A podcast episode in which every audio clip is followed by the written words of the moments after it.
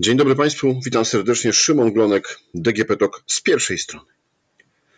49,6 miliona osób, z czego 22,8 to mężczyźni, 26,7 kobiety, 37,3 dorośli, 12,3 dzieci, 7 milionów z Afryki, 5,1 miliona z Ameryk, 1,7 miliona z krajów arabskich, 29,3 miliona osób z Azji i Pacyfiku i 6,4 miliona z Europy i Azji Centralnej.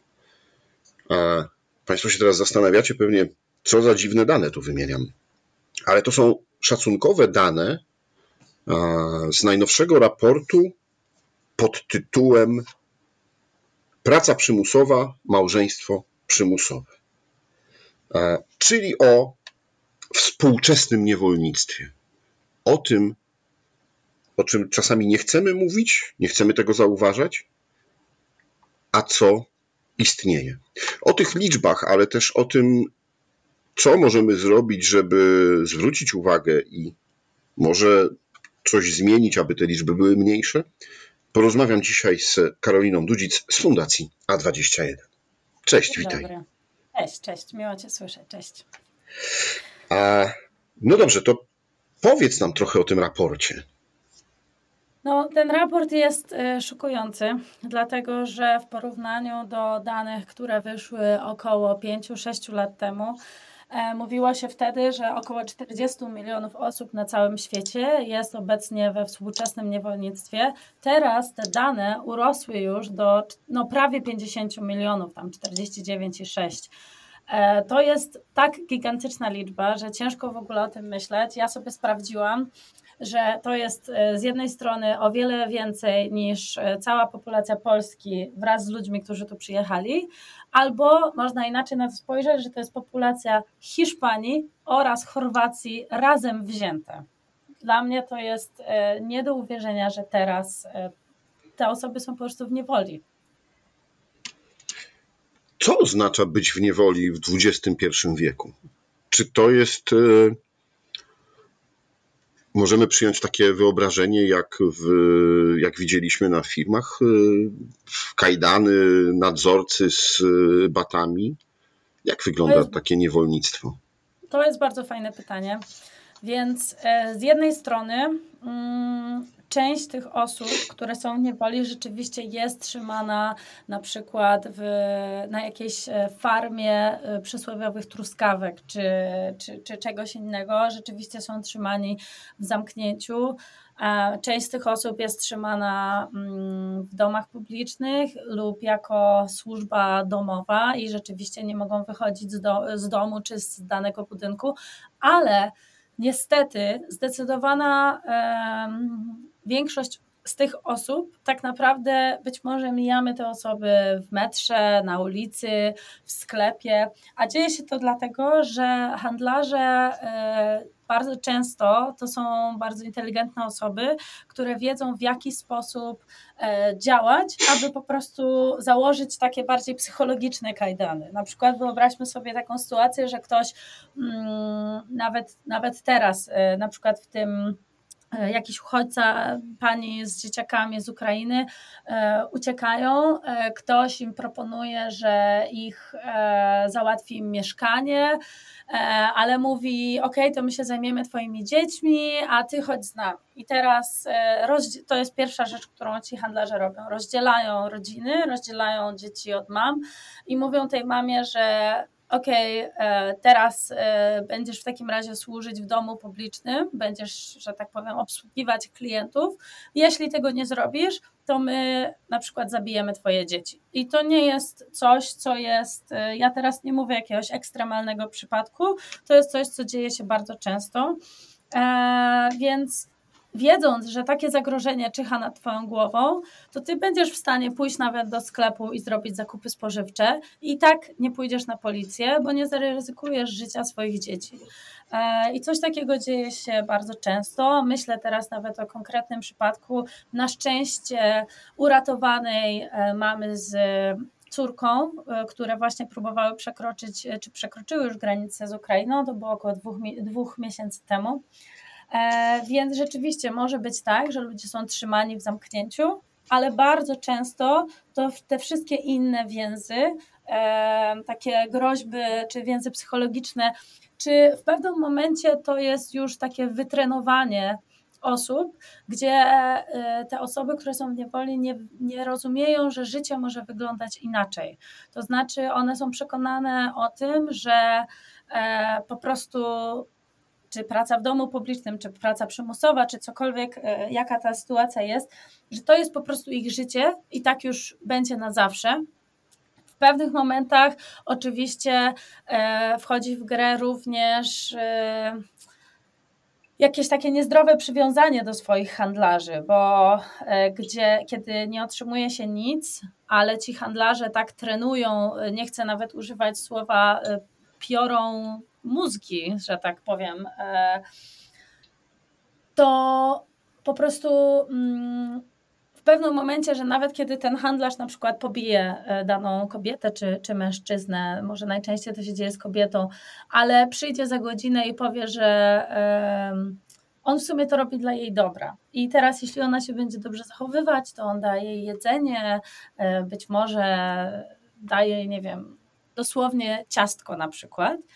To jeśli to się dzieje przez tygodnie, miesiące, lata, to ta osoba po prostu nie wie, że życie może wyglądać inaczej. Ona jest wręcz wdzięczna temu handlarzowi, że on czasami daje jej jedzenie. To jest naprawdę No dobrze, bardzo to tu poważny... mówisz o mhm. pracy. Tak. Y, a y, raport ma tytuł Praca przymusowa, małżeństwo przymusowe. Tak. Co dają porwania dla małżeństw? Po co porywa się dla małżeństw? Po co się niewoli osoby i zmusza do małżeństwa? No więc to jest e, po pierwsze bardzo często, e, od razu muszę, muszę odpowiedzieć na słowo porwanie, bardzo często e, zniewolenie tej osoby nawet nie odbywa się przez porwanie, tylko bardzo często na przykład przez to, że rodzina sprzedaje na przykład swoją córkę, do innej rodziny, do innego miasta. E, jeśli chodzi o to zmuszane, e, przymusowe małżeństwo, to jest rzeczywiście coś, co mniej dzieje się w naszym rejonie świata, bardziej się dzieje w rejonie mm, Azji oraz Afryki. I to rzeczywiście wygląda tak, że jeśli rodzina jest biedna, to po prostu ktoś przyjeżdża do ich wioski i mówi: Słuchajcie, e, zapewnię na przykład Twojej córce e, takie życie, pokazuje zdjęcia jakieś, wiecie, wiesz. samochodu, domu i mówi: Zabiorę tam twoją córkę. Rodzina mówi: Okej, okay, super, no bierz ją, niech ma świetne życie. Ale później okazuje się, że to zupełnie inaczej wygląda. Czasami mm, to jest też tak, że po prostu taka jest, e, nie chcę użyć słowa kultura, ale taki jest zwyczaj, gdzie po prostu no, w tym przymusowym małżeństwie to rzeczywiście zdecydowana większość, bo ponad 70% to są kobiety. E, gdzie to się wydaje właśnie taką normalną codziennością, że kobiety są zmuszane do małżeństw i często to jest e, połączone oczywiście z wykorzystaniem seksualnym, bo to jest jasne, że jeśli ktoś jest zmuszany do bycia z kimś, to bardzo często będzie też e, ofiarą przemocy domowej, ofiarą wykorzystania seksualnego. Często ta osoba musi pracować wbrew swej woli, czy w sektorze właśnie usług seksualnych, czy w sektorze, um, czy, czy w jakimkolwiek innym sektorze. E, no to ta po prostu osoba odbiera się tej osobie wolność wyboru. Mhm. A powiedziałaś o um, tych kwestiach związanych z pracą. Mhm. Duży nacisk teraz w firmach, szczególnie w międzynarodowych korporacjach, no ale to jest zalecenie ONZ-u, zwraca się uwagę na e, zrównoważony rozwój, e, na ESG. E, I tak się zastanawiam, patrząc na ten raport, też przyszło mi do głowy, że takie pytanie, czy ESG, czy zrównoważony rozwój może wpłynąć in minus oczywiście, czyli pozytywnie, na zmniejszenie niewolnictwa. No bo jeśli firmy mają raportować nie tylko swoje e, działania, ale też działania, czy kontrolować, sprawdzać działania swoich podwykonawców, dostawców, no to też sprawdzają, jak zatrudniają oni ludzi. Tak, tak. No, na pewno wszelkie tego rodzaju, nazwę to wręcz e, presją lub jakimiś e, normami, które firmy, prywatni, e, prywatne osoby, ale także rządy muszą spełniać, są dobre. Dlatego, że ustawia się jakieś normy, po prostu trzeba je spełnić, żeby być w stanie w ogóle operować. Więc to jest dobre. Pytanie tylko, na ile to jest rzeczywiście. Um, wprowadzane w życie, na ile to jest, e, znajduje się 10 czy 20 różnych sposobów, żeby tego uniknąć. Więc to jest może powiedziałabym druga sprawa. No ja po, pozwolisz, że ci przerwę. Odwołam się tutaj tak. do rynku kawy. Mhm. E, niektóre firmy, które sprzedają kawę, mm, czy w kawiarniach, czy, czy w sklepach, chwalą się tym, producenci, że właśnie kontrolują, e, czy przy uprawach, e, nie wiem, jest ta uprawa bio, czy nie zużywa się niepotrzebnie wody albo jakichś innych zakazanych nie używa się substancji, ale też kto przy tym pracuje. No bo kilka lat temu wyszły różne skandale, że były zatrudniane właśnie dzieci.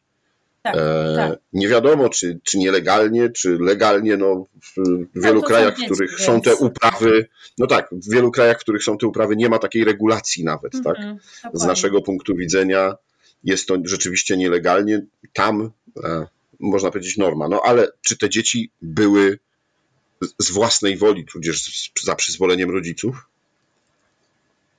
Tak, no więc e, to jest na pewno, to są na pewno bardzo złożone kwestie, ale dla nas jako A21 to jest właśnie też częścią, e, częścią rzeczy, które my robimy, to jest właśnie to, aby zwiększyć świadomość społeczeństwa, e, czy w Polsce, ale czy w innych krajach. My mamy biur, 19 biur na całym świecie i współpracujemy z innymi organizacjami, które też działają w tym, żeby zwiększyć świadomość ludzi na temat w ogóle handlu ludźmi.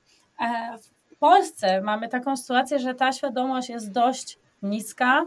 E, to znaczy, ludzie sobie nie zdają sprawy e, z ilości osób, które rzeczywiście są w tej niewoli, i z drugiej strony nie wydaje im się, że to może im się przy, przy, przytrafić. Jeśli chodzi o to, co powiedziałeś, a oczywiście ta zwiększona świadomość prowadzi do tego, że ludzie nie będą chcieli korzystać z usług czy z dóbr firm, E, które nie spełniają tych, e, tych wymagań, tych norm, tych e, nie, nie sprawdzają, czy tak jak mówisz, czy produkcja wody, ale tak samo, czy, czy handel ludźmi czasami nie jest, że tak powiem, zaangażowany w produkcję danej rzeczy. Z drugiej strony, to co powiedziałeś na temat tej, tego prawa, to jest też bardzo duże wyzwanie dla nas światowo. Dla nas mówię ogólnie dla nas wszystkich, nie tylko dla naszej organizacji, ponieważ to często jest bardzo trudne mm, w kontekście procesowania i e, procesu sądowego na przykład handlarzy, ponieważ bardzo Często handel ludźmi może się dziać w kraju, osoby nie przekraczają granic, ale często jest tak, że rzeczywiście przekraczają e, granice. Polska zwykle była takim krajem e, tak zwanym tranzytowym, gdzie, e, zostały, gdzie osoby na przykład z Ukrainy, czy z Bułgarii, czy z innych krajów były po prostu przewożone przez Polskę. Oczywiście to też jest kraj źródła osób i także kraj docelowy, no ale w dużej mierze to był kraj tranzytu. I teraz prawo, które na przykład obowiązuje w Polsce, nie jest tożsame z prawem na przykład w, um, dajmy na to, w Tajlandii. I teraz, jeżeli, e, czy tak samo, czy w Stanach Zjednoczonych, więc e, generalnie ONZ, ale też inne organizacje dążą do tego, żeby to prawo ujednolicić. Dlatego, że jeśli tego nie zrobimy, to coś, co jest przestępstwem, załóżmy w Polsce, nie będzie przestępstwem w Kambodży. I my mamy także biura w, właśnie w Kambodży i w Tajlandii, i to widzimy, że jest bardzo duży problem. I w tamtych krajach robimy duży nacisk na to, żeby to prawo jednak zmieniać, ponieważ tam handlarze potrafią e, sprawić, że na przykład 3-4-letnie dzieci ubrane w dość wyzywające stroje powtarzam, 3-4-letnie dzieci, e, muszą na przykład przez całą noc tańczyć w restauracjach, w barach na zewnątrz i przez długi czas nie było prawa, które zakazywałoby im tam być, ponieważ rodzina wyraziła, wyraziła zgodę na to, żeby tam było to dziecko. To dziecko, będąc, mając 4 lata, nie było w stanie też tańczyć całą noc, e, więc e, podawano jej narkotyki, żeby po prostu wytrzymało. I przez bardzo dużo lat, przez kilka lat nie było możliwości po prostu legalnie zabrać tego dziecka z tamtego miejsca. Więc e, tu mówię już tak, o takiej konkretnej sytuacji, przy której mieliśmy e, no, honor wręcz powiem, e, pracować, gdzie dopiero po wielu latach pracy, nacisku, pracy z policją, pracą, pracy z tamtejszym rządem, udało się wprowadzić zmianę do tego prawa i jak tylko to się udało, to razem z policją e, zabraliśmy to dziecko i, i ono teraz już jest w, bezpiecznej sytuacji i po prostu no, bardzo dużo z nim pracujemy, żeby doszło do siebie. Ale to jest bardzo duży problem, kiedy w krajach na przykład e, w każdym kraju to się może zdarzyć. Tak samo w krajach na przykład arabskich, to o czym rozmawialiśmy w Katarze, mm, po prostu prawo jest inne i nie zawsze tak bardzo szczegółowo dotyka e, na przykład sposobów, w jaki ludzie pracują, warunków, w, który, w których ludzie pracują. Nie dotyka do końca... Do Kataru, do Kataru za chwilę wrócimy, hmm. natomiast powiedziałaś bardzo ważną rzecz, że ważna jest świadomość. Mhm. I e, jednym z elementów, jakie buduje świadomość, no to jest właśnie głośne mówienie o tym. Tak. E, w najbliższą sobotę, 15 października 2022 roku, powiem to, no bo nie wiadomo, kiedy będą Państwo słuchali naszego podcastu, e, w Warszawie, tak jak w wielu miastach na świecie, odbędzie się Walk for Freedom. Co to jest? Tak, to jest e, Marsz dla Wolności. Organizujemy go już ósmy e, rok na całym świecie, a piąty raz w Warszawie. To jest takie wydarzenie, które właśnie ma zwiększać globalną świadomość. Idziemy w jednej linii, ubrani na czarno, I niektórzy z nas trzymają tablice informacyjne z takimi najważniejszymi informacjami czy statystykami na temat handlu ludźmi. Idziemy, to jest taki cichy marsz, więc idziemy przez środek miasta. E, w Warszawie będziemy mieć, zaczynamy pod kolumny Zygmunta, a skończymy przy metrze centrum na patelni. Jest to tak um, zaskakujący widok, że naprawdę zwraca uwagę każdego jednego przechodnia. I w tym momencie nasi um, nasi wolontariusze są w stanie e, rozdawać ulotki, na których są e, konkretne dane na temat e, handlu ludźmi w Polsce i na świecie i na których, no i po prostu zatrzymywać się na krótkie rozmowy.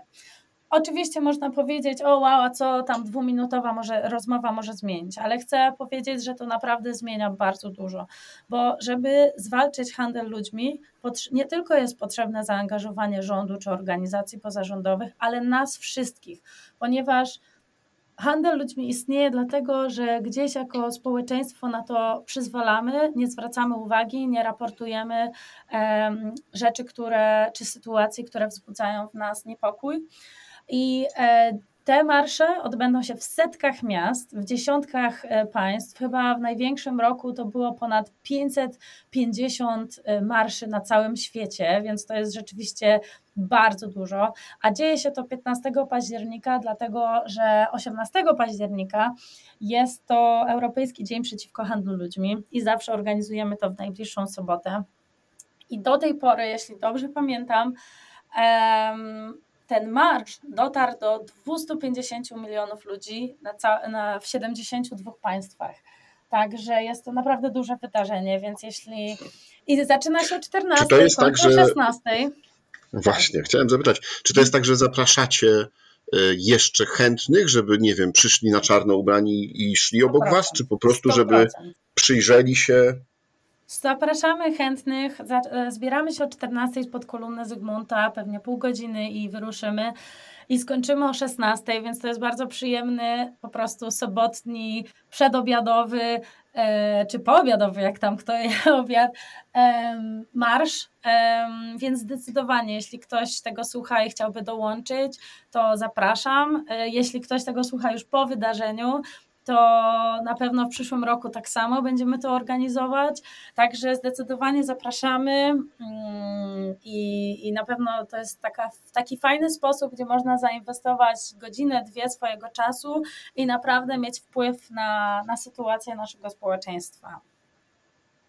Mhm. A, no to wróćmy do Kataru, bo myślę, że to jest też ważna rzecz. Mhm. A, szykujemy się do wielkiej imprezy, masowej, ja bym powiedział, że chyba już nawet nie sportowej, tylko popkulturalnej. Mhm. E, Mistrzostwa świata w piłce nożnej. No, naprawdę gigantyczne pieniądze, e, wiele imprez towarzyszących, e, zaangażowani artyści, szczególnie właśnie muzycy, no i do tego piłkarze. Widowisko, które interesuje się cały świat. Ale przy okazji tego raportu, który, o którym dzisiaj rozmawiamy i przy okazji e, spaceru dla wolności, no, pojawiły się też informacje właśnie o takim trochę mm, ciemnej stronie przygotowania e, tych mistrzostw. Tak, no niestety bardzo na tym ubolewam, ale rzeczywiście często jest tak, że to, jak coś wygląda z zewnątrz, nie jest takie samo od wewnątrz. I e, rzeczywiście to, co się stało, to e, ponieważ bardzo dużo ludzi jest potrzebnych, żeby zorganizować takie światowe wydarzenia. To już nawet nie jest w setkach, to jest w tysiącach. E, w niektórych miejscach można nawet się pokusić o powiedzenie setki tysięcy, czy nawet e, niektórzy podają już miliony osób, które są w to gdzieś zaangażowane, bliżej lub dalej. Ale to, co się dzieje, to kiedy ludzie przyjeżdżają e, jako e, migranci, właśnie na przykład do Kataru w tym, w tym wypadku, okazuje się, że szukają jakiejkolwiek pracy. I jeśli zastają warunki takie, jakie zastają, no to często po prostu nie mają wyboru, ponieważ sami nie mają dużego często budżetu, często doświadczenia, często po prostu są zmuszani do pracy nad budową stadionów, nad przygotowaniem e, gadżetów e, do sprzedaży, e, często przygotowaniem jedzenia, przygotowaniem murawy, no wszystkie te rzeczy, które są potrzebne do przygotowania takiego mm, wydarzenia. I okazuje się, że standardy pracy wcale nie są tak dobre, nie jest to zadbane, ale też nie jest to coś, na czym ludzie wystarczająco bardzo zwracają na to uwagę, bo zwracamy uwagę na piękne logo, dobrą muzykę, fajne widowisko, dobry czas, ale nie myślimy o tym, że za tym wszystkim stoi wyzysk i wykorzystanie. E, osób. Często się, nie, od razu mówię, że nie mówię tu o jakiejś konkretnej sytuacji, o której myślę przy okazji tych e, igrzysk, ale często w takich sytuacjach, jeśli ktoś nie chce pracować, to nie dość, że nie otrzyma e, zapłaty, ale też zostaną mu zabrane dokumenty, więc on nie może wyjechać w ogóle z kraju. Nie dostanie jedzenia, zostaną mu zabrane jakiekolwiek rzeczy, jakie były, no i być może zostanie dotkliwie e, pobity. Więc to jest naprawdę bardzo skomplikowany, bardzo skomplikowany temat, na którym mam nadzieję, że będzie coraz więcej naświetlania. Drodzy Państwo, także warto też przy takich dużych wydarzeniach, które cieszą oko, zastanowić się nad tym, jak one są organizowane. No i właśnie wymagać od swojej e, firmy, od naszych polityków, żeby przyglądali się, żeby interweniowali, żeby sprawdzali, czy w jakiś sposób e, nie pomagają, niestety, w handlu ludźmi.